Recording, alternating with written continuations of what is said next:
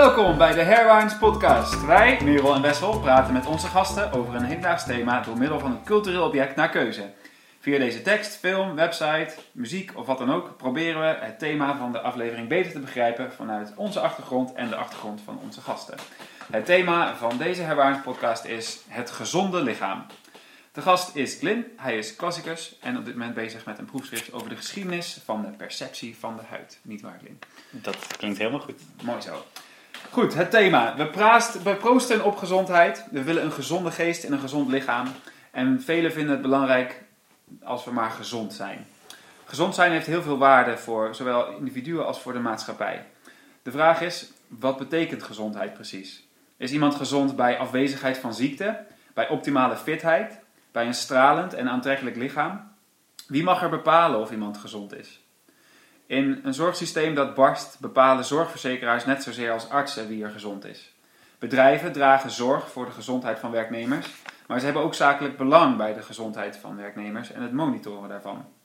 Regisseurs en producenten van films bijvoorbeeld kunnen acteurs afwijzen omdat ze niet het juiste gezondheidsniveau hebben of omdat ze niet fit genoeg uitzien. En bij heel veel andere beroepen kan je ook afgewezen worden als je niet door een fitheidstest heen komt. Tegelijkertijd diagnosticeren heel veel mensen zich tegenwoordig zelf met het internet en dan eisen ze of weigeren ze volgens medische behandeling. Dus wij gaan vandaag praten over wat het betekent om gezond te zijn. Toch Merel? Zeg ook eens wat, want je bent nog Ja. stil. Ja. Hallo.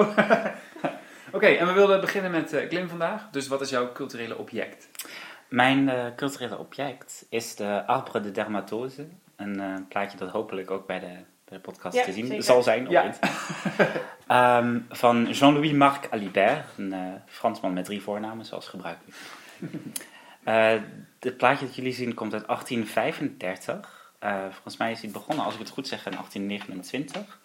En hij was een arts in wat nu het Hôpital Saint-Louis is in Parijs. Eh, wat heet het, volgens mij heette het toen Hospice du Nord. Ehm, en de boom stelde een klassificatie volgens hem eh, van huidziekten voor op basis van de lesies. Dus de, zeg maar de soort wonden die ze achterlaten op de, op de huid. Het interessante aan deze boom is ehm, hoe mooi en, en intrigerend en vooral ook intricate hij eruit ziet. Er werd meteen eigenlijk hevig bekri- bekritiseerd van allerlei kanten, omdat hij te onwerkbaar eh, was. Het waren gewoon te veel ziektes, te veel klassificaties. Ehm, methodisch moeilijk om mee te werken dus. Maar hij heeft deze boom verzonnen als reactie op een systeem van Robert Willen en zijn leerling Thomas Bateman, eh, twee Schotten, die eh, later het boek Practical Synopsis of Cutaneous Diseases ja, publiceerden. Dus ehm, ook een, een klassificatie van huidziekten voordroegen. En als we nog een stukje verder teruggaan naar het allereerste eh, boek dat gewijd was aan huidziektes, de Doctrina de Morbis Cutaneis, in mooi Latijn zoals dat toen ging, uit 1776 alweer, eh, door een legerchirurg uit Venen.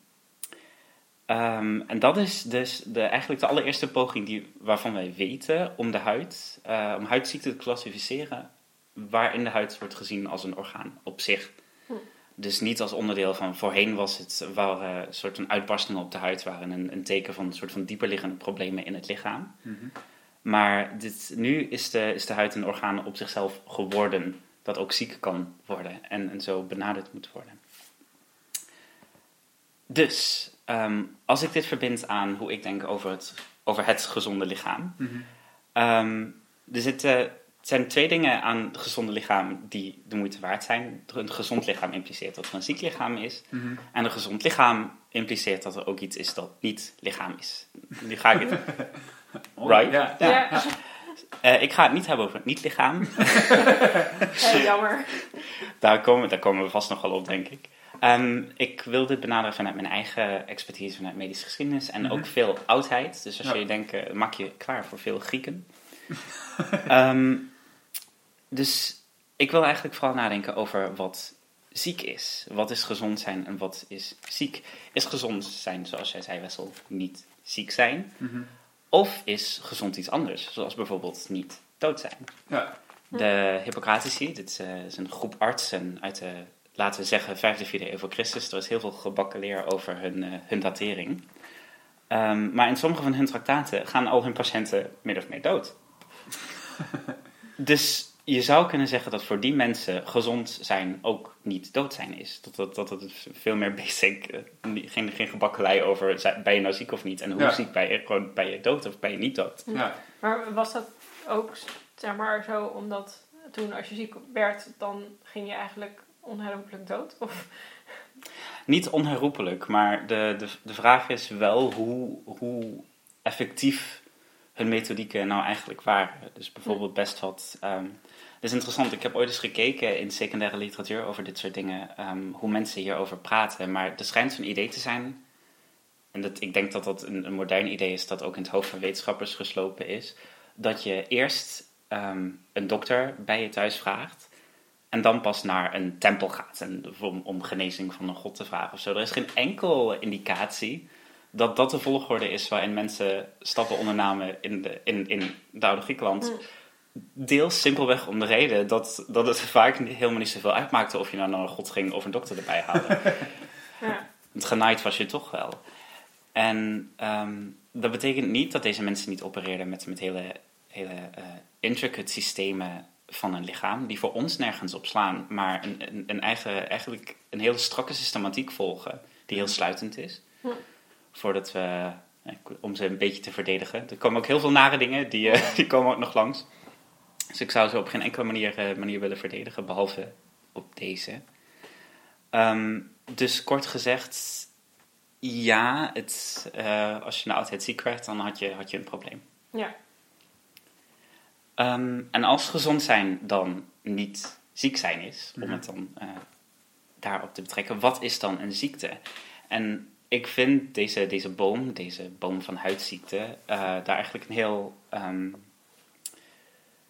interessante weergave van geven. Namelijk, ehm, deze boom laat zien dat, zeker binnen de soort van formelere context van geneeskunde, ik zal Mhm. het vooral hebben over die formelere context, ehm, laat zien dat ziekte heel sterk afhangt van een bepaalde klassificatie. Ja. Eh, artsen die met elkaar rondom de tafel gaan zitten, op basis van experientieel onderzoek gaan zeggen: dit is hoe je ehm, die ziektes klassificeert, dit zijn die ziektes. Maar tegelijkertijd, zoals de aanvallen op, deze, op, deze, op dit boomsysteem laten zien, kunnen er heel veel van die klassificaties naast elkaar bestaan. Wat zit daarachter? Is dat puur ehm, biologie? Is dat puur eh, onderzoek naar de huid?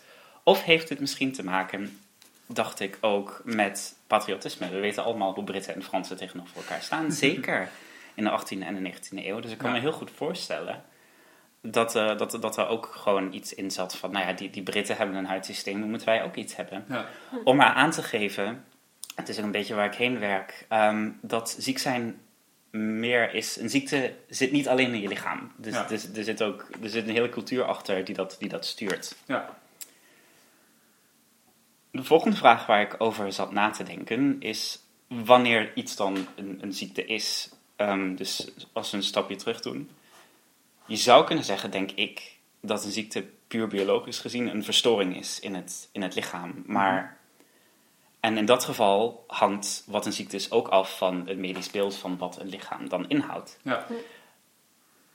Deze, deze boom eh, is een van de eerste klassificaties van de huid als een orgaan op zichzelf. Dat is op zich al heel interessant. Ja. Dus voorheen was de huid de moeite op zichzelf niet waard. Het was het deel van een systeem. Maar nu is de, dit is een van de eerste pogingen om dat orgaan als iets op zichzelf te zien. Dit is een ander lichaam dan waar artsen 100 jaar eerder naar keken in Frankrijk bijvoorbeeld.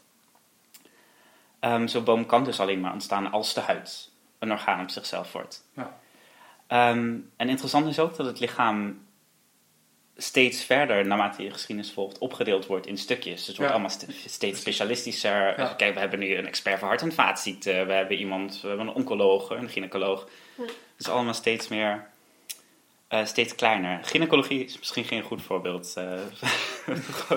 Groot eh, is, een, is een erg, weer, een, weer een hele brede groep, maar daar kom ik ook nog bij.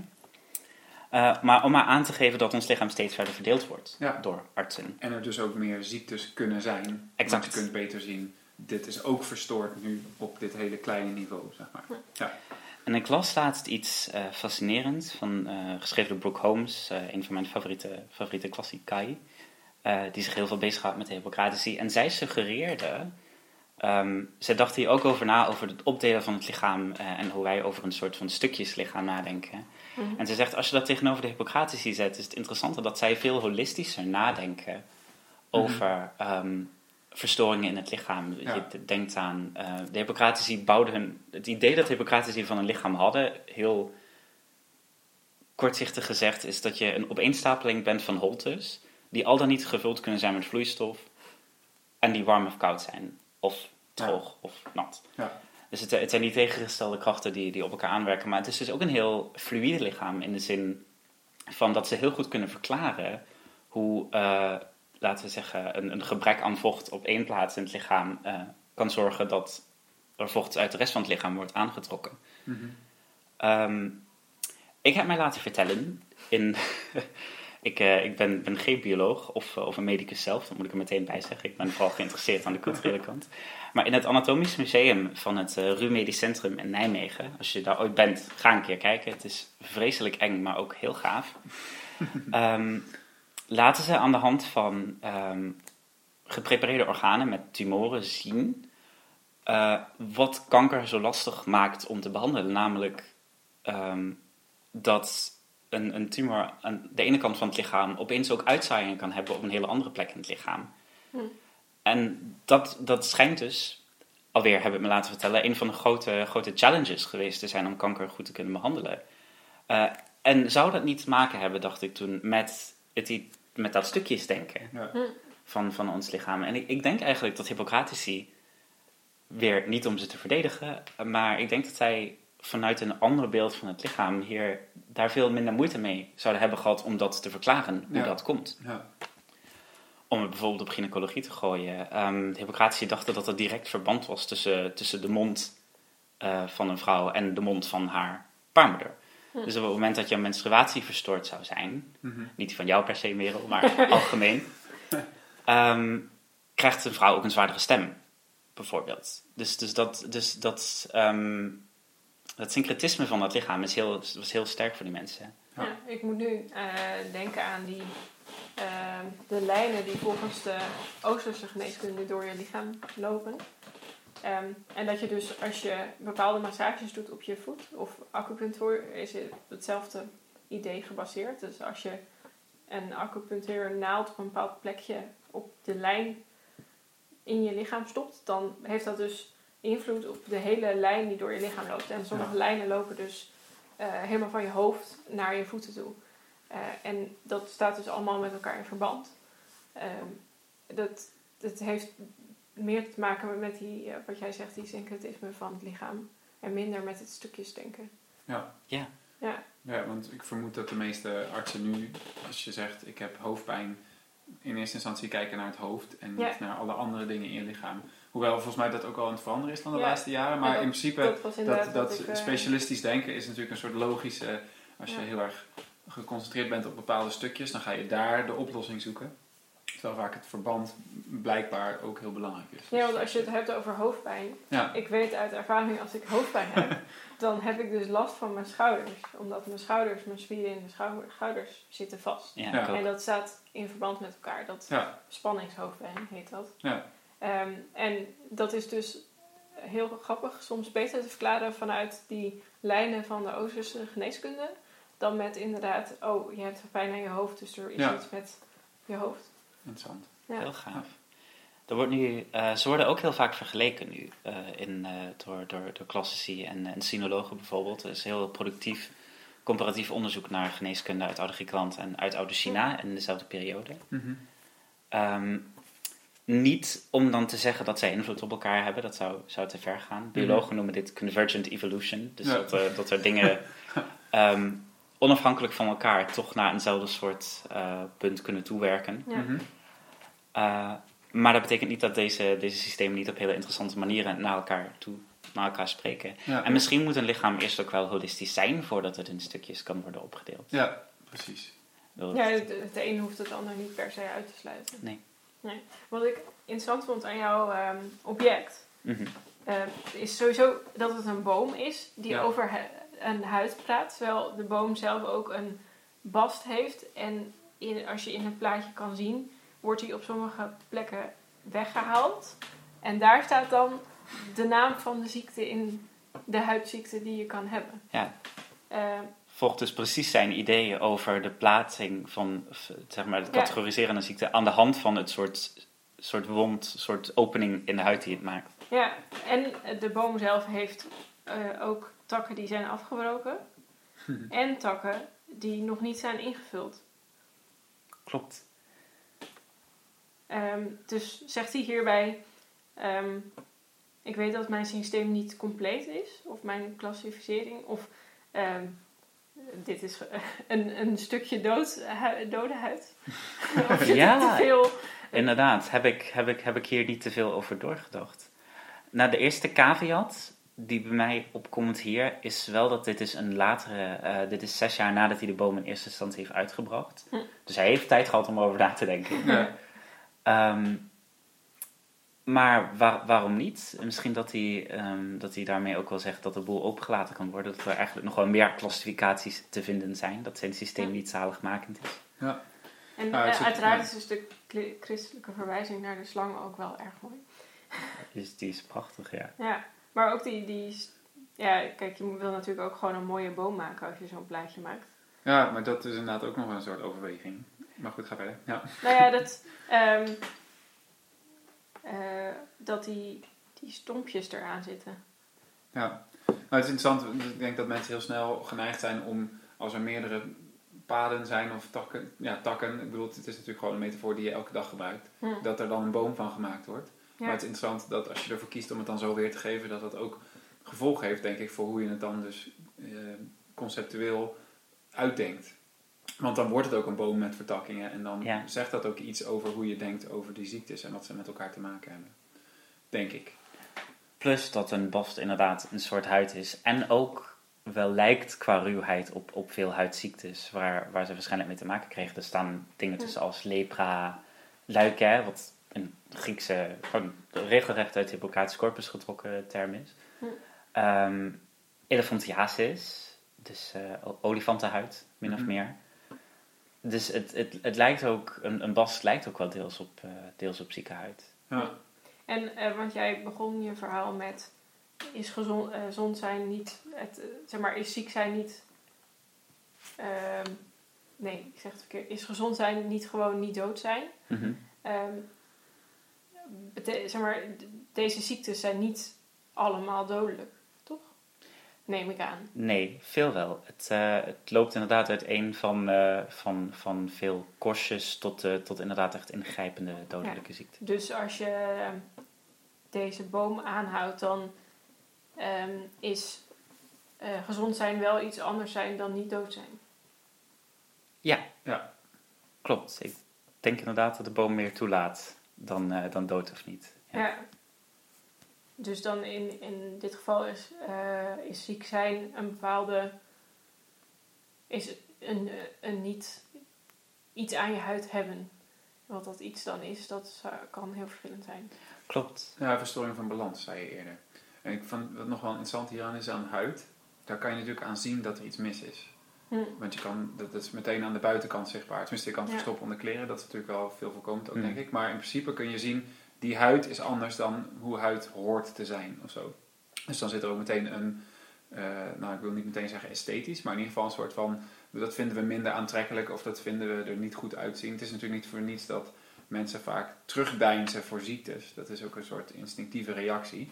En op huidziektes eh, in het bijzonder Ja. krijg je natuurlijk heel snel een reactie omdat je niet kunt zien wat er allemaal mis is aan de binnenkant. Zoals bijvoorbeeld bij een tumor wat je in een museum moet leggen om het goed uit te kunnen leggen. Mhm. Dat hoeft met een huidziekte niet. Klopt. Wat het, wat het des te bijzonderder maakt dat nu eigenlijk pas, ehm, of tenminste nu bij deze boom, 200 jaar geleden, dat, dat dit een van de eerste pogingen is om de huid als iets op zichzelf te zien. Ja, precies. Ehm, en dat heeft er deels mee te maken, denk ik, dat anatomie lange tijd ehm, niet heel invasive was. Eh, in, in de oudheid sneed men eigenlijk niet in mensen, bijvoorbeeld. Eh, dus dan ben je heel erg van hoe het lichaam er aan de buitenkant uitziet en wat er ingaat en uitkomt uit dat Ja. lichaam. Eh, afhankelijk om te kunnen zeggen wat, om iets van uitspraken te kunnen doen over wat er dan wel aan de binnenkant zou gebeuren. Ja, Mm. precies. Ja. Dat is een van de redenen waarom de Hippocratische ideeën over het, het, het binnenste van het lichaam zo, zo vreemd voor ons overkomen. Is omdat ze van buitenuit moesten redeneren Ja. hoe het dan een, een, een kloppend, sluitend systeem maken Ja, aan de dus- binnenkant. Dus daar was eigenlijk de huid een soort van indicatie van, oh, dit gebeurt daar binnenin. Precies. Ik denk dat dat aan de oppervlakte nog steeds wel is. Ik bedoel, Ja. in mijn intro dat hele ding over dat mensen soms worden eh, beoordeeld van buiten. Ja, maar je ziet er niet goed uit of zo. Hm. Ik had laatst bijvoorbeeld, toen was ik wakker geworden eh, om half vijf 's ochtends of zo. En toen was er zo'n stukje slaapsoep in mijn oog terechtgekomen. Dus ik heb toen zeg maar 20 minuten lopen tranen en toen ben ik weer gaan slapen. En toen op een gegeven moment later was ik op school, ik was dat allemaal weer helemaal vergeten. En toen zei een collega, gaat het wel met je? En ik zo, ja. maar die had dus gewoon gezien dat ik heel rode ogen had van al dat tranen en knipperen en zo. En daar kwam natuurlijk dat hele oordeel van gezondheid vandaan. Dus ik denk wel dat, ja, dat is dan niet de medische kant, maar misschien gewoon de, de publieke kant. Dat hoe je er, hoe je er gezond uitziet, eh, misschien wel veel belangrijker is voor veel mensen als ze aan ja, gezondheid denken. Dat is gewoon een uiterlijk kenmerk dan. Ja, ik moet nu denken aan ehm, mensen met grote littekens. Ja. Dat daar ook heel vaak voor wordt teruggedeinsd, net zoals voor huidziekten. Ja. Terwijl je zou zeggen, een litteken is juist een teken van het lichaam dat het eh, zichzelf weer beter heeft gemaakt. Ehm, en dat, dat eh, heeft toch dezelfde reactie bij mensen als, als een huidziekte. Ja. Wat dan een indicatie is voor een minder gezond lichaam. Er is, en ik, ik, ik, moet, ik moet hier aan denken nu je dit zegt over een litteken, dat dingen, dat dingen aangeeft dat er iets geheeld is, inderdaad. Dat het, eh, dat het goed is gekomen. Er is een, eh, ook weer in de oudheid hoor, het is bij een klassicus, kan het niet helpen. Ehm, er is een, nou ben ik vergeten of het de eerste of tweede eeuw na Christus is. Auteur Artemidorus heeft een droomboek geschreven waar psychoanalytici erg, eh, erg eh, warm van worden omdat het gaat over droominterpretatie. En dit is echt vrij diep. Dus bijvoorbeeld, om het Freudiaans te houden, als je in je droom met je moeder slaapt, dan maakt het bijvoorbeeld uit in welke positie je zat, afhankelijk van hoe je die droom introduceert of interpreteert. Maar er zat dus ook, er zit er ook een bij dat als je droomt over een litteken, dan betekent dat dat ehm, het onheil waar jij nu mee worstelt wel goed gaat komen. Hmm, mooi. Ja, Ja. Het, is niet, het is niet slecht, toch? Ja, ik zat ook meteen toen ik dat zei te denken. Een litteken is ook een teken dat je dus. Nou ja, het kan ook een teken zijn dat je dus ziek bent geweest. Dus dat er een operatie heeft moeten plaatsvinden, bijvoorbeeld. Of Ja. dat je een ongeluk hebt gehad. Ja. Ehm, en daarbij ehm, ja, een wond hebt opgelopen. Dus het is, het is zowel een indicatie van eh, dat je lichaam jezelf gezond heeft gemaakt, als dat het dus ooit niet gezond was of Ja. ziek. En ik wil het nog even over puurheid hebben hier. Tenminste, ik wil het er nog niet over hebben, maar ik wil het wel alvast noemen. Want ik denk dat dat ook een onderdeel is van gezondheid. Ja. Een litteken geeft aan dat er iets mis is geweest. En dan ben je dus niet meer, als we het holistisch zien, zoals de Hippocratisch zien, dan is je, er is iets mis geweest aan je lichaam. En Mhm. daarmee is het voor altijd een soort van, ja, er is iets uit balans geweest. En dan zou je kunnen zeggen, dan is het nooit meer precies helemaal in balans. Ja. Hoe is dat, en die uitspraak nou, er is een, een vlek op je blazoen, toch? Ja, een smet, denk ik. Of Een smet? Ja. ja. Ja, Ja, ja, dus precies. Ja. Ja. Net zoals een litteken. Ja. Littekens maken je leesbaar. Dat, het- dat, is, het, dat is deel van het interessante. Letterlijk ook, ook van het, het, het, is gladder dan Ja. eh, veel littekens zijn gladder of juist ruwer dan de rest van je huid. En wij hebben onze huid nu, denk ik, het liefst onleesbaar. Helemaal glad en Ja. bijgewerkt met make-up en gefotoshopt. gefotoshopt. Ja. Ja. Ehm, dat er maar niet. ehm, je huid is je. ehm, je huid is je testament op een of andere manier. Het zegt, zegt, hoe, je, hoe, je Ja. leven, hoe je je leven geleid hebt. Ja. En ja, misschien willen we dat wel wegpoetsen. Dit wordt, dit wordt, heel, dit wordt heel zweverig. Nee, helemaal niet, want ik zou juist even terug naar beneden. Ja, het, het juiste maakbaarheid maakt dat ook anders. Want ik kan me heel goed voorstellen dat in de tijd van die boom eh, dat niet zo werd gezien. Weet je, iedereen had allemaal dingen op de huid. En natuurlijk had iedereen een verhaal. En je kon het- dit, ik denk dat het een enorme zeldzaamheid was dat je ergens een ruimte binnenkwam, dat daar niemand was, of überhaupt eigenlijk iemand was, die een helemaal een soort van reine huid nog had. Mm. Terwijl nu zijn heel veel ziektes makkelijker te voorkomen en makkelijker te behandelen. En als er iets mis is gegaan, is er cosmetische chirurgie ook. Dus nu het kan, moet het er ook goed uitzien. Dus daar zit ook een soort van maakbaarheid in die het eh, beïnvloedt, denk ik. Ja, het is bijna een soort ethical imperative geworden. Ja. Toch? Dat je dat voor jezelf, maar ook voor anderen. Want Ja. die moeten naar jou kijken. Dat, dat, dat, dat, dat, dat- ja, maar dat, bedoel, dat, dat, dat, Ja. het jou, dat het jouw plicht is als, Ja. als, als, als mens om, om er goed uit te zien. Misschien Ja. ook wel. Mooi. Goed, wil je nog iets eh, specifiek zeggen over je object? Of is je verhaal al klaar? Wil ik nog, wil ik nog specifieke dingen zeggen? Ehm, nou, mag ik door? Of Ja, denken jullie... Ja. Ik eh, wil nog wel meer weten van eh, klassieke geneeskunde. Nou ja, dat is nu je dit zegt over, die, eh, over dat iedereen wel, wel, wel iets had. Het, het is inderdaad zo dat we er vaak niet bij stilstaan hoe, ehm, aan, aan wat voor dingen je kon doodgaan. En hoeveel, hoeveel dingen een wonder achterlaten die, die wij nu inderdaad weg kunnen, kunnen wegwerken. Mensen in de oudheid zaten waarschijnlijk onder de littekens, van boven tot onder. Er zijn documenten die ik bekijk van mijn onderzoek waar mensen geregistreerd worden in officiële, officiële contracten en, en verkoopsovereenkomsten aan de hand van de littekens die ze op hun gezicht hebben, Hm. Wauw. zodat je ze daaraan kan herkennen. Ehm, tegelijkertijd was cosmetica toen ook wel al een ding. Er zijn bijvoorbeeld recepten in het Hippocratische Corpus om eh, sproetjes weg te werken en zo, mocht je dat willen. Dus dit is eh, uiteraard voornamelijk voor vrouwen. Er is ook veel, veel eh, indicatie dat mannen in de oudheid ook eh, bepaalde cosmetica gebruikten. Maar, ik bedoel, zoals nu, mag het niet verbazen, wordt het vooral verwacht van vrouwen waarschijnlijk. Ehm, ik zei dat, dacht na over ziekte als een, als een verstoring van een balans in je lichaam. Maar dat hangt vaak ook samen met een culturele verstoring. Ziektes zijn ook non-normatief, Mhm. zou ik zeggen. Ehm, het is bijvoorbeeld heel makkelijk om dingen een ziekte te noemen als het niet heel goed in je wereldbeeld past. Er zijn best vaak nog veel mensen die tegen, nou veel niet, maar er wordt nog wel eens tegen me gezegd dat homoseksualiteit een ziekte is, bijvoorbeeld.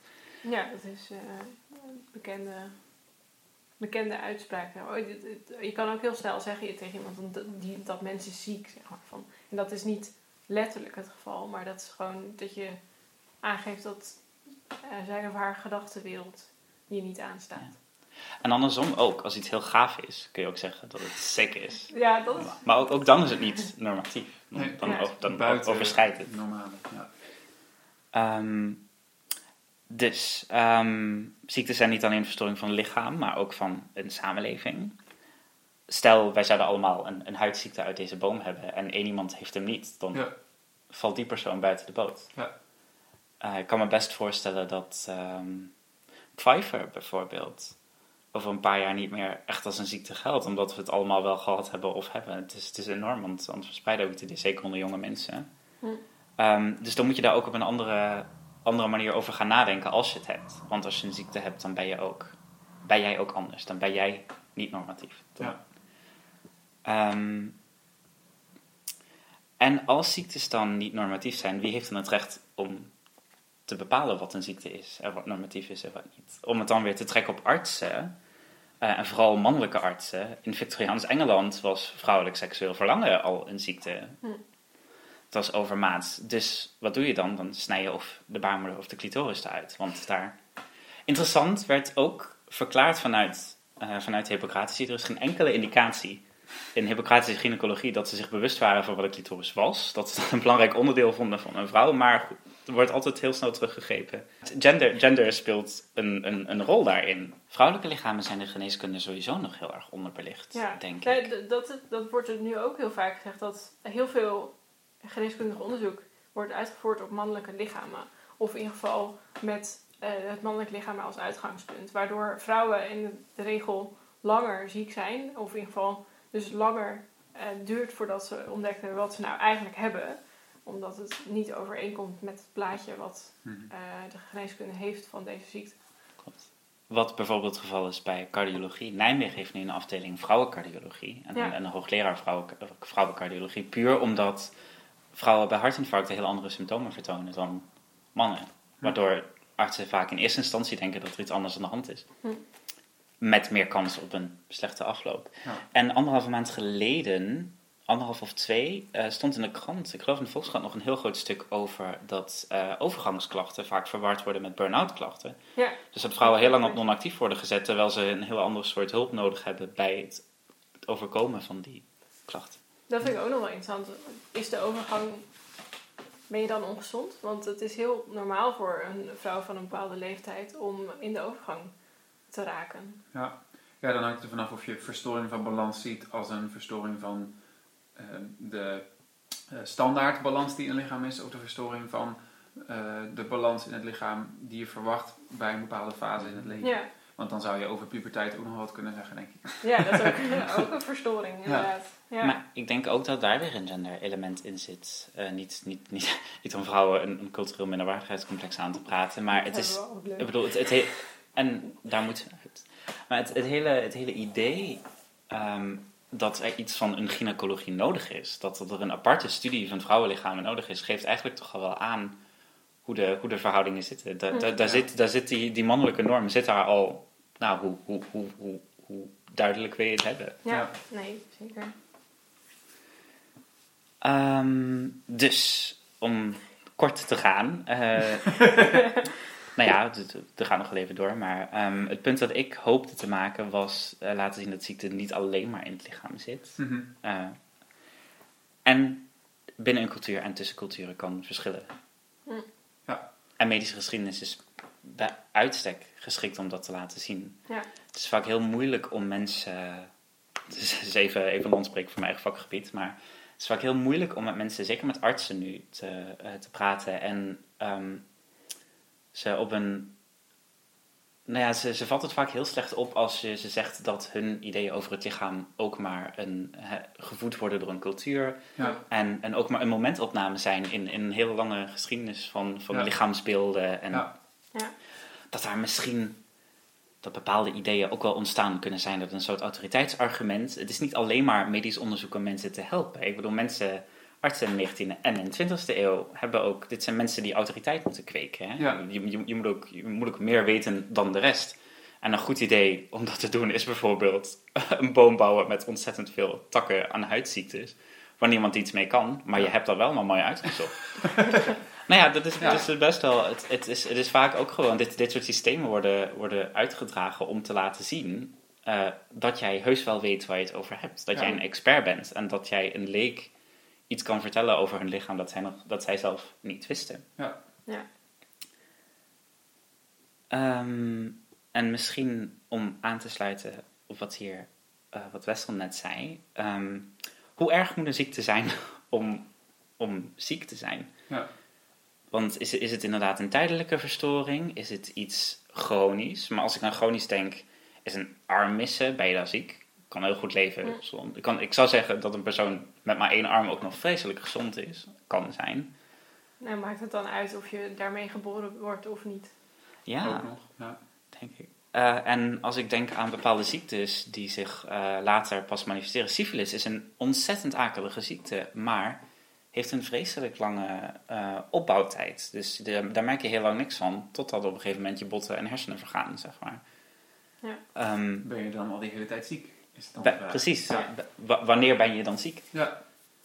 Ehm, als, we, als we bepaalde, veel ziektes dragen blijkbaar al de kiemen in ons, die dan geactiveerd worden door bepaalde, eh, nou, bepaalde encounters, zijn, zijn wij eigenlijk niet standaard al ziek. Ja, is er iemand die überhaupt helemaal gezond is? Ja. Ja. Om weer terug te gaan naar de Hippocratici, ehm, een traktaat over oude geneeskunde stelt dat mensen van nature ziek zijn. Dus dat het, dat het de taak van de dokter is om, om eigenlijk tegennatuurlijk bijna hemel en aarde te verzetten om, om mensen, om mensen eh, gezond te maken. Maar daar zit ook een veiligheidsclausule in Ja. dat mocht dat niet lukken, dat niet hun schuld is. Nee, precies. Ja. Want het is Ja. het een, ja, om, Ja. om maar weer te zeggen, dit, zijn- dit zijn allerlei, er zitten achter geneeskunde en over geneeskunde praten in de oudheid is heel moeilijk. ehm, omdat deze mensen zich nog autoriteit toe aan het eigenen zijn. We zijn Ja. heel sterk gewend aan ziekenhuizen, instituties, zorgverzekering, eh, een apotheek.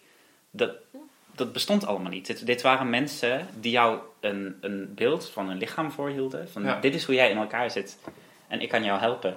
Geef me geld. Is Ja. vaak ook de, de Thucydides grapt dat, eh, dat artsen de eerste waren die bij de grote plaag van Athene wegvluchten uit de stad. Ehm, deels, deels omdat ze zelf eh, allemaal doodgingen eh, door contacten met patiënten. Maar Mhm. er wordt ook vaak gegrapt eh, dat artsen heel ehm, geldbelustig zijn. Dus dat ze ook, als er niks te halen valt, als iedereen doodgaat, dan Ja, dan gaat ze, ja. kunnen ze ook, want niemand kan ze betalen.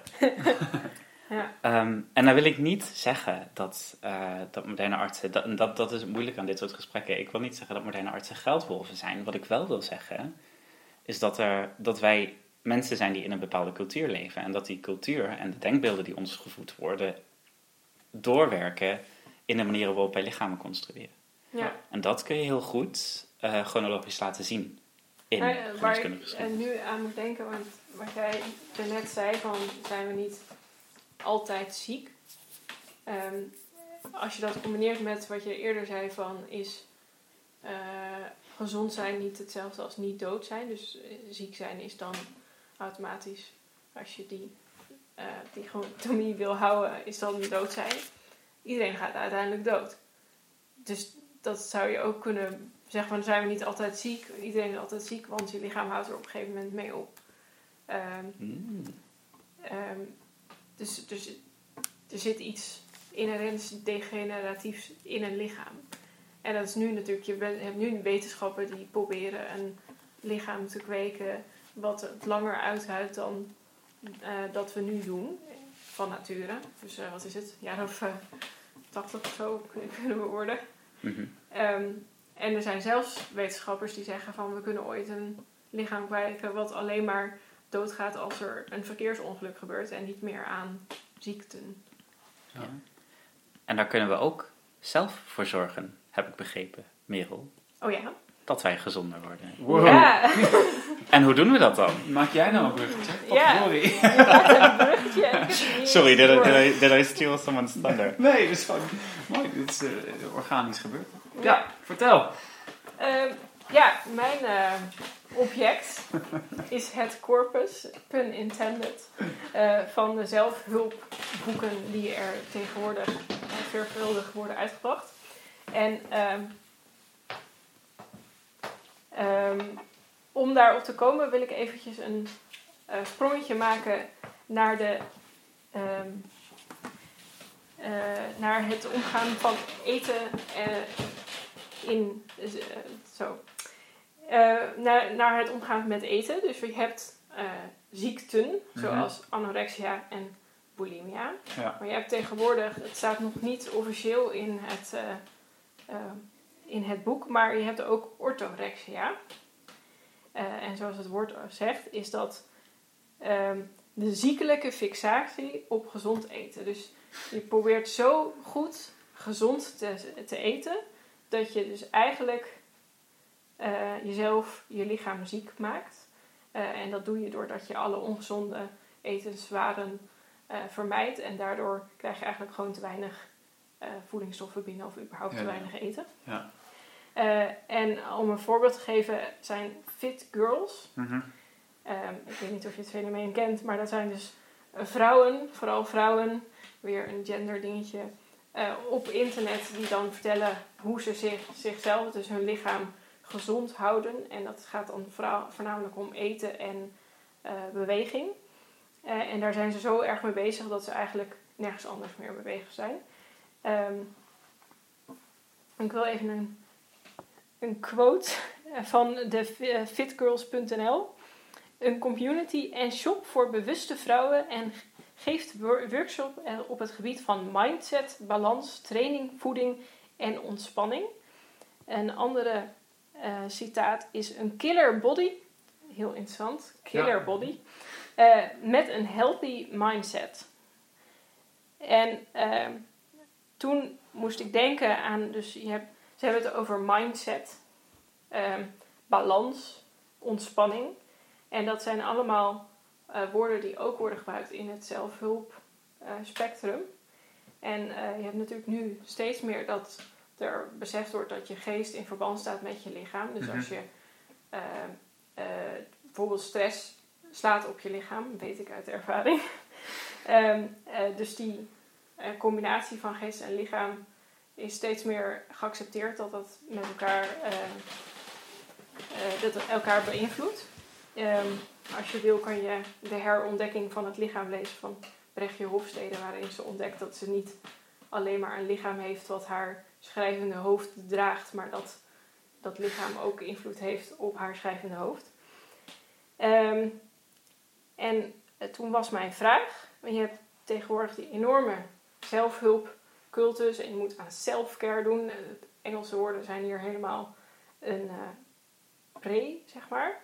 En aan de ene kant heeft zelfhulp ervoor gezorgd dat uh, als er dus iets even niet oké is met je geest, dus als je stress hebt of een burn-out of ik weet niet, je, je hebt verdriet of een depressie, whatever, dan is dat oké. Dus het heeft je het ziek zijn van je geest genormaliseerd. Want er is altijd wel iets in het leven waardoor je even een tijdje wat minder goed in je vel zit. Um, let, op de, ja, de, let op deze woorden. Uh, dus aan de ene kant is dat een soort van fijn. Dat, dus dat het, um, ja, dat het okéer wordt om uh, niet altijd gezond te zijn, mm -hmm. geestelijk. Maar aan de andere kant um, heeft de zelfhulpcultus er misschien wel voor gezorgd dat als je dus even niet oké okay in je vel zit, wat gewoon een aantal keer gebeurt in je leven, dat je er dan iets aan moet doen. Dus mijn vraag was eigenlijk: is deze huidige zelfhulptrend uh, misschien wel te begrijpen in termen van die orthorexie? Dus het is een soort van orthorexie van de geest of zo. Je bent zo obsessief bezig met zorgen dat je geestelijk en dus ook lichamelijk gezond bent, ja. dat het eigenlijk misschien wel ongezond wordt. ja, het is een een heel. mooie... Ehm, en toen ging ik dus even op internet zoeken naar zelfhulp en self-care. Ehm, en eh, aan de ene kant is het heel interessant om te zien dat er dus heel erg een bruggetje ligt tussen je geest en je lichaam Mhm. in eh, zelfhulp. Je hebt bijvoorbeeld een boek Mind Gym Sportschool voor de Geest. Mhm. Ehm, Ikigai, ja- de Japanse geheimen voor een lang, gezond en gelukkig leven. Ja, Ooster is het mysterieus, zoals Ja. dit soort dingen vaak zijn. Ehm, wat me, eh, en dan zat ik ook te kijken van wat zijn de tips die zelfhulp aanraadt om, zeg maar, wat- moet je doen volgens zelfhulp Mhm. om weer een gezond, gezonde geest te krijgen. Ehm, en ik noem er een aantal op, niet allemaal, maar dat is, je moet eh, dagelijks aan mindfulness doen, je moet dagelijks yoga doen, je moet ehm, genoeg bewegen, sporten, wandelen, je moet genoeg slapen. Dus dat zijn ook lichamelijke Mhm. eh, dingen. Eh, vroeg opstaan wordt ook vaak genoemd. Je moet goed eten. Eh, je moet je agenda ordenen. Je moet je niet druk maken. Je moet je huis minimaliseren. Je moet eh, dingen laten gaan. Letting go. Je moet niet perfectionistisch zijn of imperfectie omarmen. Je moet georganiseerd zijn. Je moet eh, strong zijn. Dus ze zeggen dan heel vaak be strong, be kind, be you. Je moet je dromen volgen. Je moet uit je comfortzone komen. Je moet jezelf altijd verbeteren. Of proberen te verbeteren. En je moet... Ja, eh, nou ja. Et cetera, et cetera, et cetera.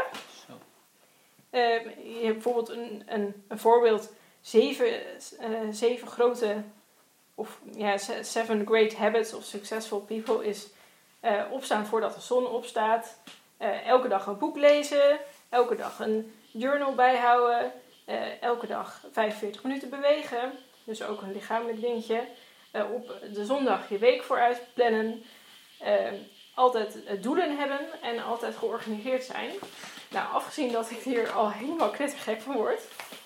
Je bent dan, ik zou zeggen, je bent dan zo obsessief bezig met zorgen dat je maar gezond bezig bent, bent met je geest en je lichaam. Dus het is, Mhm. ten eerste is het een combinatie zelfhulp van lichaam en geest, omdat die dus blijkbaar heel erg met elkaar te maken hebben. Ja.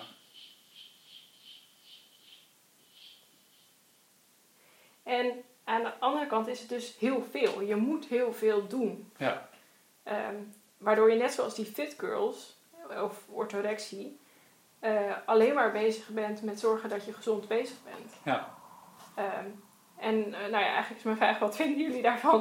Nou, het woord dat bij mij wel omhoog kwam was ziekelijk. Eh, Ja. Waarmee ik dan bedoel, denk ik, dat het inderdaad eh, het normale waar we het net over hadden overstijgt. En je dus zegt, je bent nu op een eh, manier die niet normaal is. En daarmee dus dan niet gezond. Daar zaten aanhalingstekens omheen, luisteraars. Eh, bezig bent met wat dan ook. Maar in dit geval dus met gezondheid. Wat inderdaad een hele vreemde paradox is eigenlijk. Ja, ik, ik, eh, als ik hier aan denk, dan moet ik altijd denken aan een van mijn vroegere yoga-docenten. Eh, sorry hiervoor. En die, was, eh, die had altijd, yoga was haar ding om gezond te blijven, geestelijk en lichamelijk.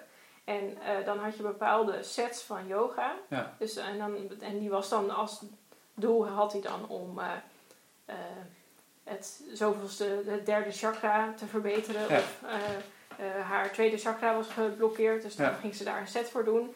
En zodra de ene set klaar was, die moest je dan 140 dagen aanhouden of zo, dan ging ze een volgende set beginnen om haar zevende chakra te, eh, los te maken. En dan dacht Ja. ik, oh, hoeveel chakra's heb je Ja, om los te maken? Zeg maar, dat je er misschien één geblokkeerd is een keer ooit, ja, dat kan ik me voorstellen. Want het is heel fijn dat, dat, je, dat het oké is om een keer niet oké te zijn. ja.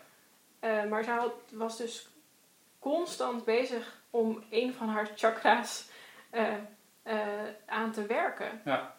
Volgens mij zitten daar twee dingen in. Eentje is dus die maakbaarheid waar ik het al over had. Ja. Met zelfhulp is ook heel nadrukkelijk iets van, je kunt het zelf oplossen. Je Ja, hoeft precies. niet naar een, eh, een expert die zich de autoriteit heeft toegeëigend. Je kunt het zelf oplossen. Ehm, en daarom heb je ook geen excuus daarmee om het niet op te lossen. Want er zijn eh, me- methodes voor, net als je je sproeten weg kunt werken of je hebt make-up. Je kunt niet dan dat niet doen, want dan heeft iedereen er last van en jij dus ook. Dus dat is één stukje. En het tweede stukje lijkt me als je voortschrijdend inzicht hebt in hoe een, een menselijk lichaam zich kan verbeteren of zich kan optimaliseren, ehm, dan kun je ook nooit klaar zijn.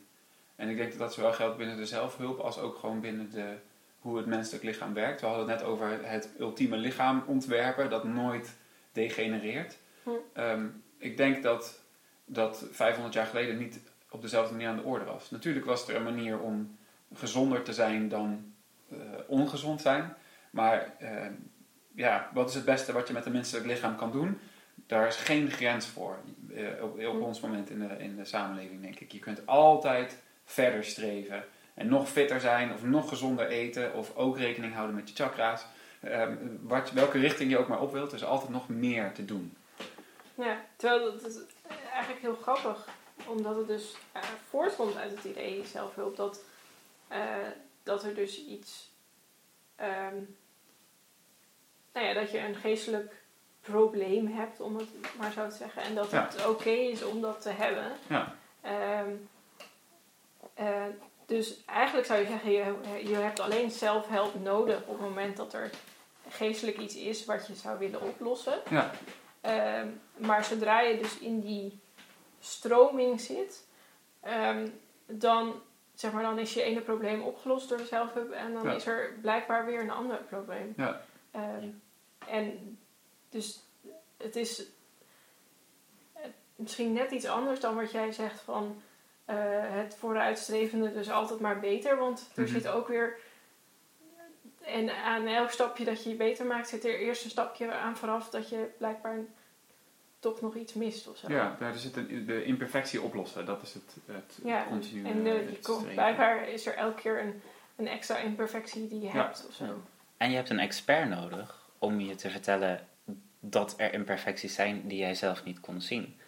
Ik weet niet of deze boeken, tenminste ik vraag me dit af, of deze, dit, dit, dit soort zelfhulp ehm, het idee van een expert weghaalt. Het, het is inderdaad het idee dat jij zelf dingen kan doen, Mhm. maar iemand schrijft die boeken en Ja. iemand verkoopt die boeken Dat is wel waar. met, met, het, met het oog om ze te verkopen. Ja. En is, is niet juist, ik, ik denk dat jij hier iets op het spoor bent inderdaad, Merel, is niet Mm. eh, op elke slak zout leggen in je leven. Alle, alles kan mis zijn en alles heeft, ehm, eh, alles heeft, een, een, heeft monitoring nodig en je, moet- je, moet, je, moet, je moet constant zijn, bezig zijn met jezelf beter te maken.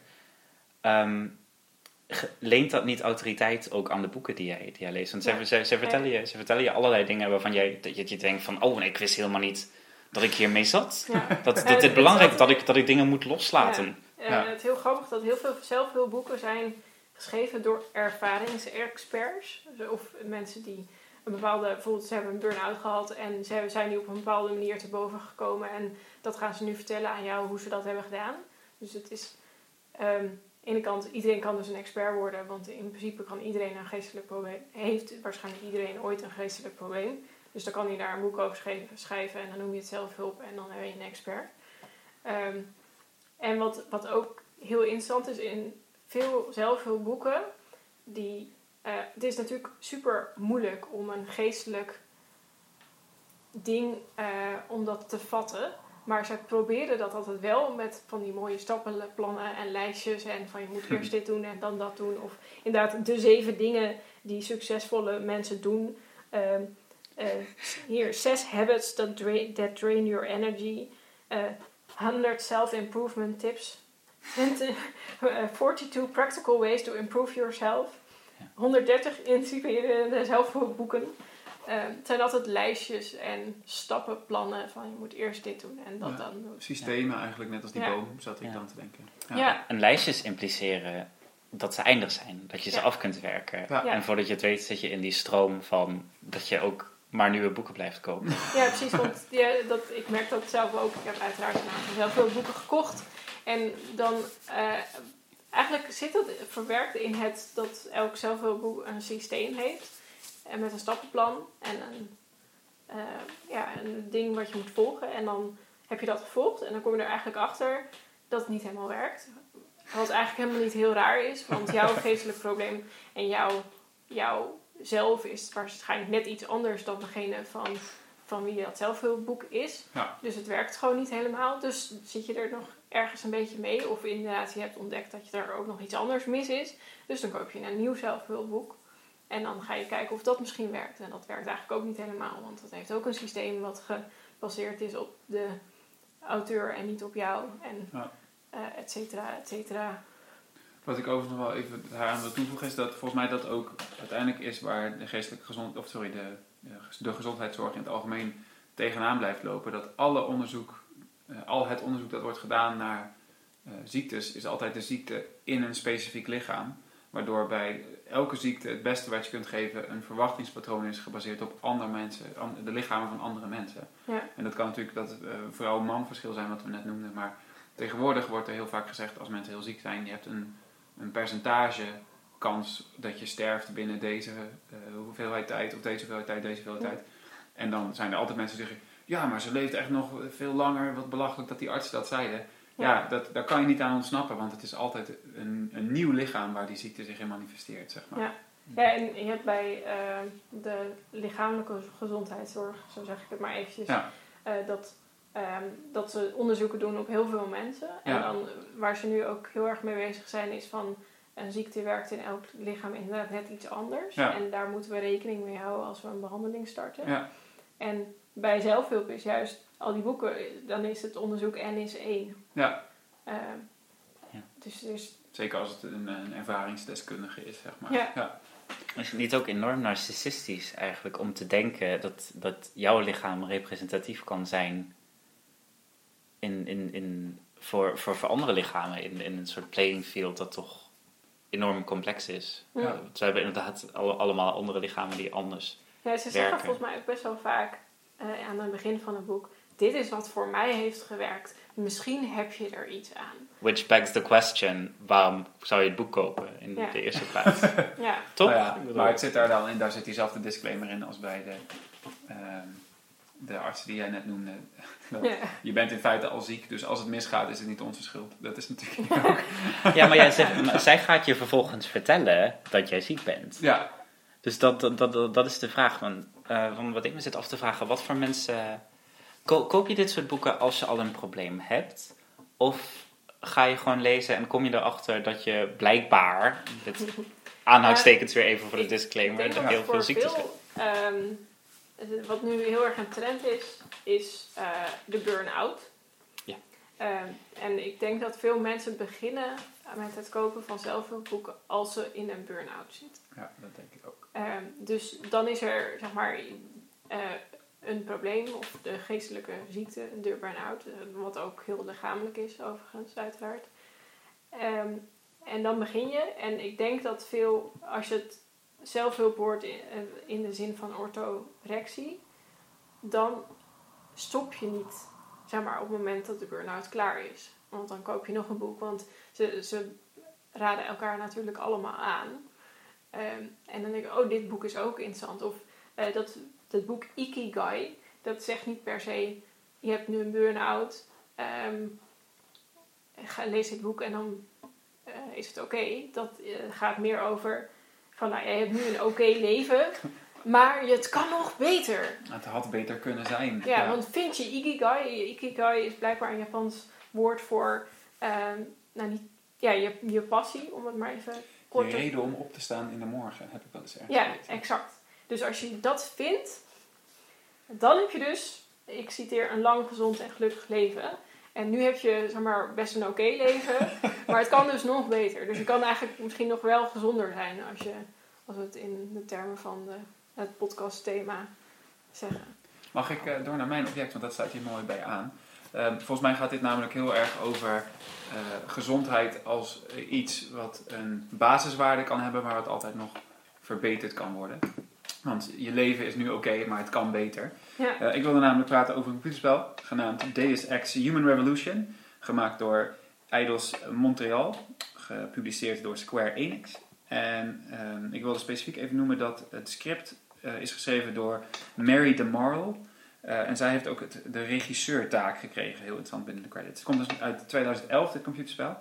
Um, en ik ga eerst even vertellen wat er gewoon gebeurt in het spel en wat je doet. Um, je speelt een karakter dat heet Adam Jansen in het jaar 2027. En uh, je bent eigenlijk een beveiligingswachter uh, bij Serif Industries. En dat is een bedrijf dat uh, baanbrekend onderzoek verricht naar ja, eigenlijk machinale implantaten bij mensen. En ze noemen dat dan augmentations hier in dit verhaal. Dus eigenlijk verbeteringen. Um, en um, jij werkt daar als wachter en deze, je, je bent eigenlijk in het lab in de eerste scènes waar ze bezig zijn met een revolutionaire manier om te zorgen dat als mensen implantaten krijgen, dat ze niet meer worden verstoten uh, door de lichamen van die mensen. Net zoals bij uh, do donor uh, Ja, precies. Ja, want ja, eigenlijk stoppen ze dus gewoon stukken machine in mensen. Maar het is in eerste instantie allemaal heel erg uh, medisch gericht. We willen ziektes oplossen en voorkomen. Um, maar de eerste scène, dan breekt er een groep uh, terroristen in in dat laboratorium. En dat zijn allemaal augmented uh, figuren. Dus die hebben allemaal, allemaal implantaten. Dus het zijn eigenlijk cyborgs, om even een andere term voor te gebruiken. Machinegeweren in hun onderarmen en allemaal zulke soort dingen. En die leggen eigenlijk dat hele laboratorium in as en die schieten mensen neer. Uh, en ze nemen uh, informatie mee. Um, en jij als Adam Jensen schiet daar dan een beetje terug met je pistool, maar uiteindelijk kun je die scène niet winnen. En jij, jij wordt door een ontploffing zo geraakt dat je eigenlijk dodelijk getroffen wordt. En de volgende scène is dat jij weer bijkomt een aantal maanden later en jouw baas, uh, de Serif van Serif Industries, heeft besloten om jouw leven te redden door middel van heel verregaande implantaten die helemaal niet op de markt zijn, maar dat is allemaal een soort geheimzinnig gebeurd. Waardoor jij nu eigenlijk een soort supersoldaat bent. Uh, ook met allemaal uh, implantaten die je veel sterker maken en sneller en je kunt sluipen. En dat, het spel neemt dan de vorm aan dat je zelf een pad kunt kiezen hoe je conflicten wil aangaan. En dat hangt er dus vanaf welke verbeteringen je verder nog installeert in je lijf. Want je kunt bijvoorbeeld in je huid allemaal cameraatjes en projectoren doen waardoor je onzichtbaar kan worden. Maar je kunt er ook voor kiezen om je benen verder te verbeteren waardoor je hoger kunt springen. En je hebt in je ruggengraat een apparaat zitten dat ervoor zorgt dat als je van heel grote hoogte valt, dat er een soort ja, raketmotoren aangaan, waardoor je dus niet te pletten kan vallen. En dat zijn natuurlijk super verregaande verbeteringen. En dan heb ik nog niet eens over een metalen staaf die uit je onderarm kan komen, waar je van dichtbij mensen dood mee kunt maken. Het een lijkt nuttiger dan het ander. Ja, maar goed, in ieder geval, al die dingen zitten ineens in jouw lichaam. En uh, dit sluit natuurlijk heel duidelijk aan bij wat we net zeiden. Um, dit gaat niet over gezondheid in de zin van je bent ziek, want er is iets mis met je lichaam, behalve dat uh, Mr. Jensen natuurlijk dood aan het gaan was. Uh -huh. uh, maar in principe worden al deze implantaten alleen gedaan omdat mensen meer willen dan de huidige gezondheid die ze hebben. Dus ja, natuurlijk, je, je bent al 40 en je wordt een dagje ouder.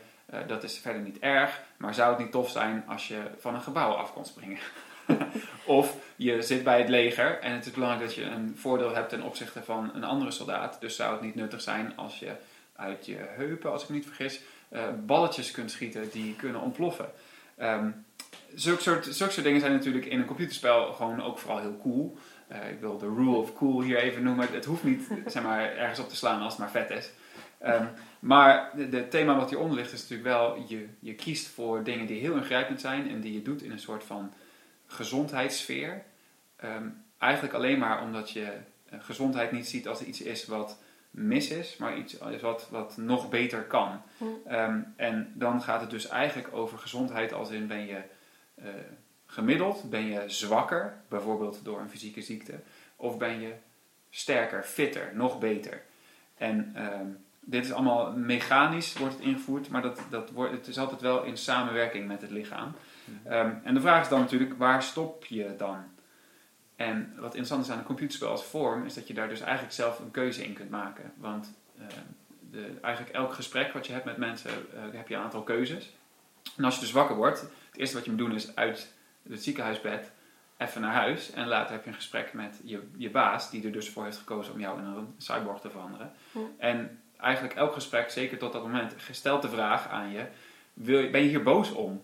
Ben je eigenlijk blij dat je nu een soort van superkrachten hebt? Hm. Ehm, eh, vind je dat dit niet had, had moeten kunnen? Eh, ga je klagen?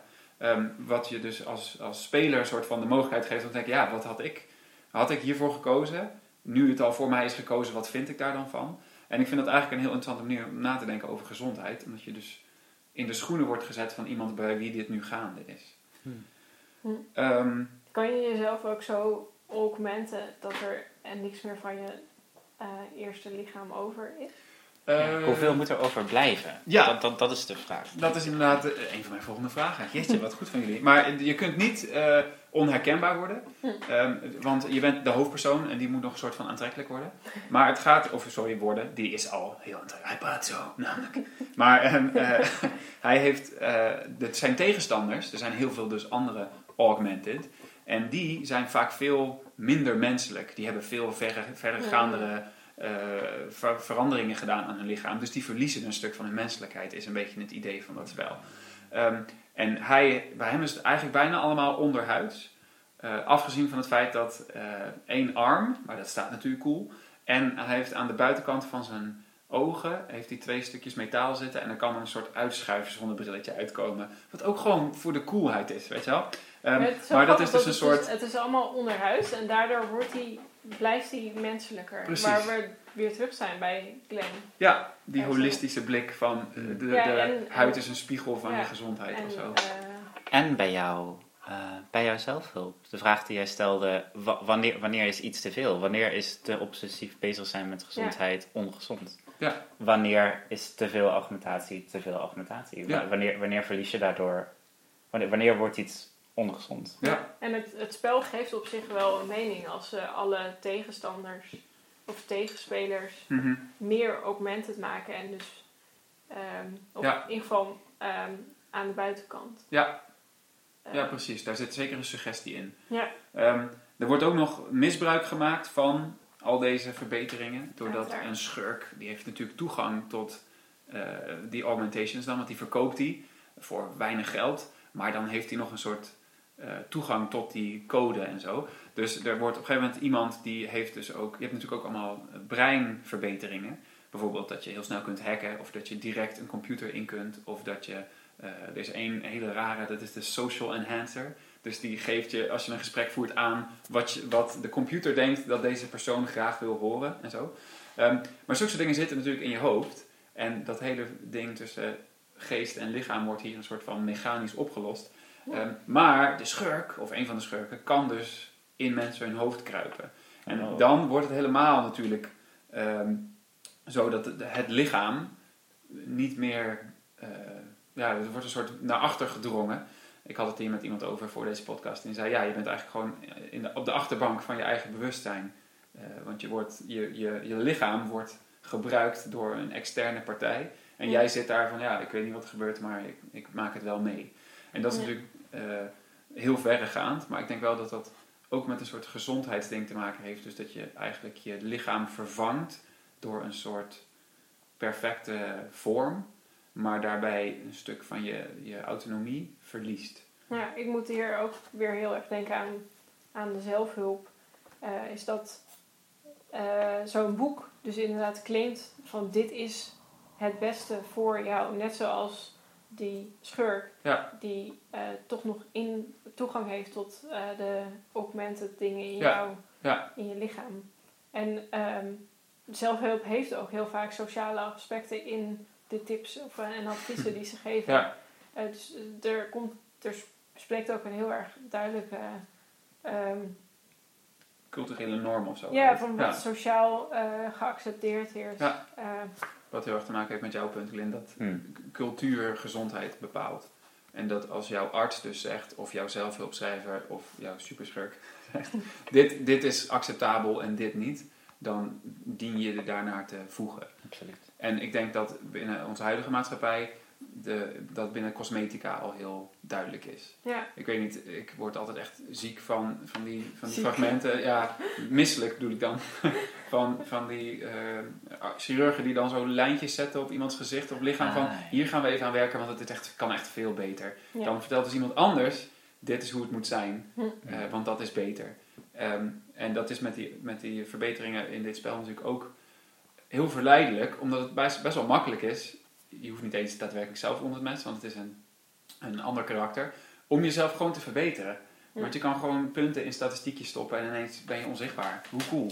En ik denk dat hetzelfde is dus bij heel veel mensen nu. Oh, je kan gewoon eh, wat geld betalen en naar zo'n kliniek gaan. En je komt terug en je hebt eh, mooiere oogleden of zo. Hm. Het Eh, is- Terwijl je daar dus ja. ook weer ziek kan, van, kan worden, omdat Ja. het niet goed kan gaan. Ja, precies. Die operatie bedoel je. Ja, Ja, Het is fascinerend hoe, hoe dit soort narratieven ook vaak in de toekomst worden geplaatst. Alsof we inderdaad niet al heel sterk bezig zijn met... Ja. ik, ik denk nu aan deels, eh, valt me net in, en ook van die cosmetica... Valt het jullie ook op dat cosmetica reclame steeds meer ehm the future is now worden? Dus het is heel Mhm. erg, je ziet altijd DNA-strengen door het, door het, door het Mm. beeld zweven. Ja. En het is altijd... Altijd, altijd heel veel, heel chroom, heel metaal achtergrond. En het, het is toch eigenlijk toch wel, het, het wekt al eigenlijk de suggestie van, wij, wij, zijn, wij zijn de toekomst hier aan het maken. Ja. Een, een soort inderdaad aug- augmentation. ja. De vraag die ik nog had, jij zegt dat eh, een van de slechteriken blijkbaar augmentation parts, als ik dat goed zeg, verkoopt tegen weinig geld. Ja. Maar bij de vraag brengt, is, er, is klasse een relevante factor Ja. in dit spel? Jullie zijn, Zijn- mijn, mijn puntjes zo aan het voorspellen. Dat is heel cool. Zijn, er, men- zijn er mensen die dit, die dit niet kunnen betalen? Want ik kan me voorstellen dat, dat dit iets voor hyperrijken is, die dan aan zichzelf toetrekken. En worden arme mensen dan automatisch ziek omdat ze niet kunnen meekomen? Hebben ze ongezonde lichamen omdat ze niet kunnen meekomen met de augmentation? Ja, je hebt het spel niet gespeeld, maar bij wijze van spreken, dat, dat had je al daar kunnen vinden. Want het is inderdaad, de, de, de, het, scenario waarin dit hele avonturenverhaal zich afspeelt, is inderdaad dat de wereld eigenlijk in een soort tweedeling terechtkomt. Van mensen die wel deze verbeteringen kunnen betalen en mensen die het niet kunnen betalen. Waarbij er nog een subklasse is van mensen die inderdaad dus op de zwarte markt dingen op de kop tikt en de meest vreselijke eh, problemen ondervindt omdat het een, een foutieve verbetering was. Of ze hebben allemaal, eh, eh, hoe noem je dat? Rejection problemen. Dat ze Hm. dus iets in hun lichaam stoppen, maar niet de goede Af- medicijnen. afstoting. Ja, precies, afstoting, zulke soort dingen. Dus dat is nog een soort subklasse. Dus het gaat inderdaad heel erg over, sommige mensen kunnen dit wel en die hebben automatisch meer macht. Niet alleen omdat ze dus gezonder en fitter zijn, maar omdat ze daadwerkelijk machinegeweren in hun schouders kunnen hebben bijvoorbeeld. Ehm, het wordt, dat, dat is een beetje over de top argument, maar het zit in precies dezelfde ding speelt zich natuurlijk nu in de samenleving af, dat je bepaalde zorg wel kunt betalen en bepaalde zorg niet kunt betalen. Ja, met als mooi voorbeeld het Amerikaanse systeem. Ja, precies. Want daar, het gaat eigenlijk, in dit spel gaat het natuurlijk over leven en dood. In de zin van kun je je verdedigen tegen augmented mensen als ze je huis binnenkomen vallen. Ja. In het Amerikaanse systeem en natuurlijk gewoon eigenlijk over de hele wereld, laten we wel wezen, gaat het over leven en dood in de zin van mijn kind wordt ziek en ik heb geen zorgverzekering, dus ik kan niet betalen. Ja, of dat je dingen. Daadwerkelijk eh, ziek in het ziekenhuis inkomt en dat ze eerst zeggen waar is je verzekering. En Ja. als je geen verzekering hebt, dan word je dus niet geholpen. Ja, precies. Ja. Ehm, Nou ja, en dat is interessant, want eh, het, het probleem daarbij is dus dat daar voor een deel zit daar gewoon een heel eh, makkelijk te onderscheiden stuk. Dit kind is doodziek, dat zou geholpen moeten worden, want anders sterft het. En aan de andere kant heb je de, de situaties waarbij je kunt zeggen, ja, ben je nou ziek?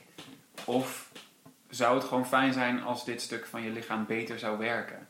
Hm. Ehm, is het, zeg maar, een, eh, en, dan hebben we het nog niet eens gehad over zorg voor ouderen, waar een heel eh, vervelende discussie aan vastgekoppeld kan worden. Hm. Ehm, is dat evenveel waard? Want als we het in geld uitdrukken, krijg je daar één plaatje van. Maar als we het uitdrukken in een, in een concept van wat is het dan om ziek te zijn, is het niet logisch dat als je 80 bent, dat je moeite hebt een trap op te komen. Moeten we, daar, ehm, eh, moeten we dat accepteren? Of moeten we dat inderdaad met eh, gezondheidszorg verbeteren of oplossen? Ehm, terwijl tegelijkertijd misschien andere situaties zijn waarbij het makkelijker is om te zeggen: ja, maar dit is gewoon een ziekte Ja. Die we zouden moeten oplossen. Ja, en dat wordt dus bepaald door cultuur voor een heel groot deel, wat jij zegt.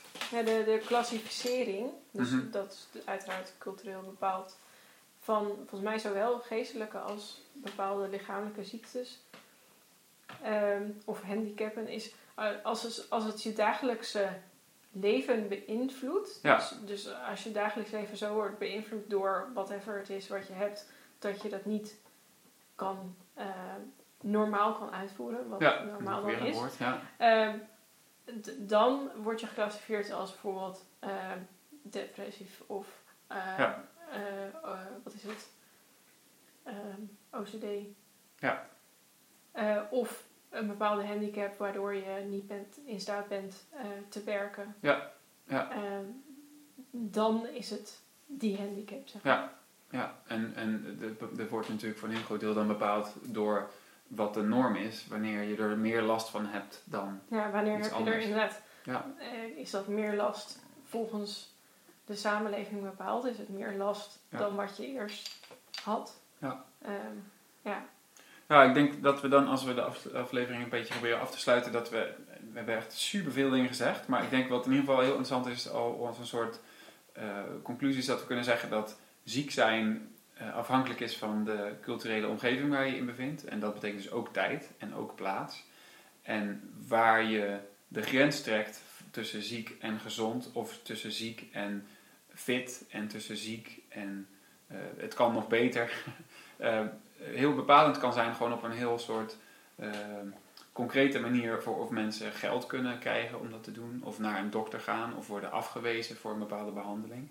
En dat dus praten over wat ziekte betekent en eh, vanuit welke lens je daarnaar kijkt, vanuit een expert of vanuit vroeger of vanuit wat eventueel mogelijk zou kunnen zijn, heel concrete gevolgen kan hebben voor iemands leven als een gezond lichaam. En dat het dan dus behoorlijk belangrijk is om dat gesprek regelmatig te voeren vanuit zoveel mogelijk verschillende perspectieven. Hm. Om, ja, nou, je kunt niet zorgen dat het dan eh, altijd gaat op een manier die uiteindelijk voor iedereen het beste is, maar dan in ieder geval een onderlegde discussie hebt gehad over of deze beslissing juist is of niet. Ja, het, het eh, hangt heel erg af van de eh, het beïnvloedt de positie in, je, in de samenleving. Ja, inderdaad. Ehm, Oké, nou, mooi. Dank jullie wel weer. Eh Lin, bedankt dat je er was. Graag gedaan. Ja. Ja. Heel leuk. Ehm, ik heb eh, bij deze niks meer te zeggen over de volgende aflevering, maar misschien Merel nog, of, of niet? nou, eh, mogen we het, het thema verklappen van Ja, de volgende Ja, aflevering? natuurlijk. Ja. Eh, het thema van de volgende keer is religieus fundamentalisme. Oké. Spannend. Ja, super cool. Ik heb er helemaal zin in. Vreselijk spannend. Ja. Nou goed, bedankt voor het luisteren en eh, hopen jullie volgende week weer, volgende maand weer te treffen. Tot ziens, doei! Bye.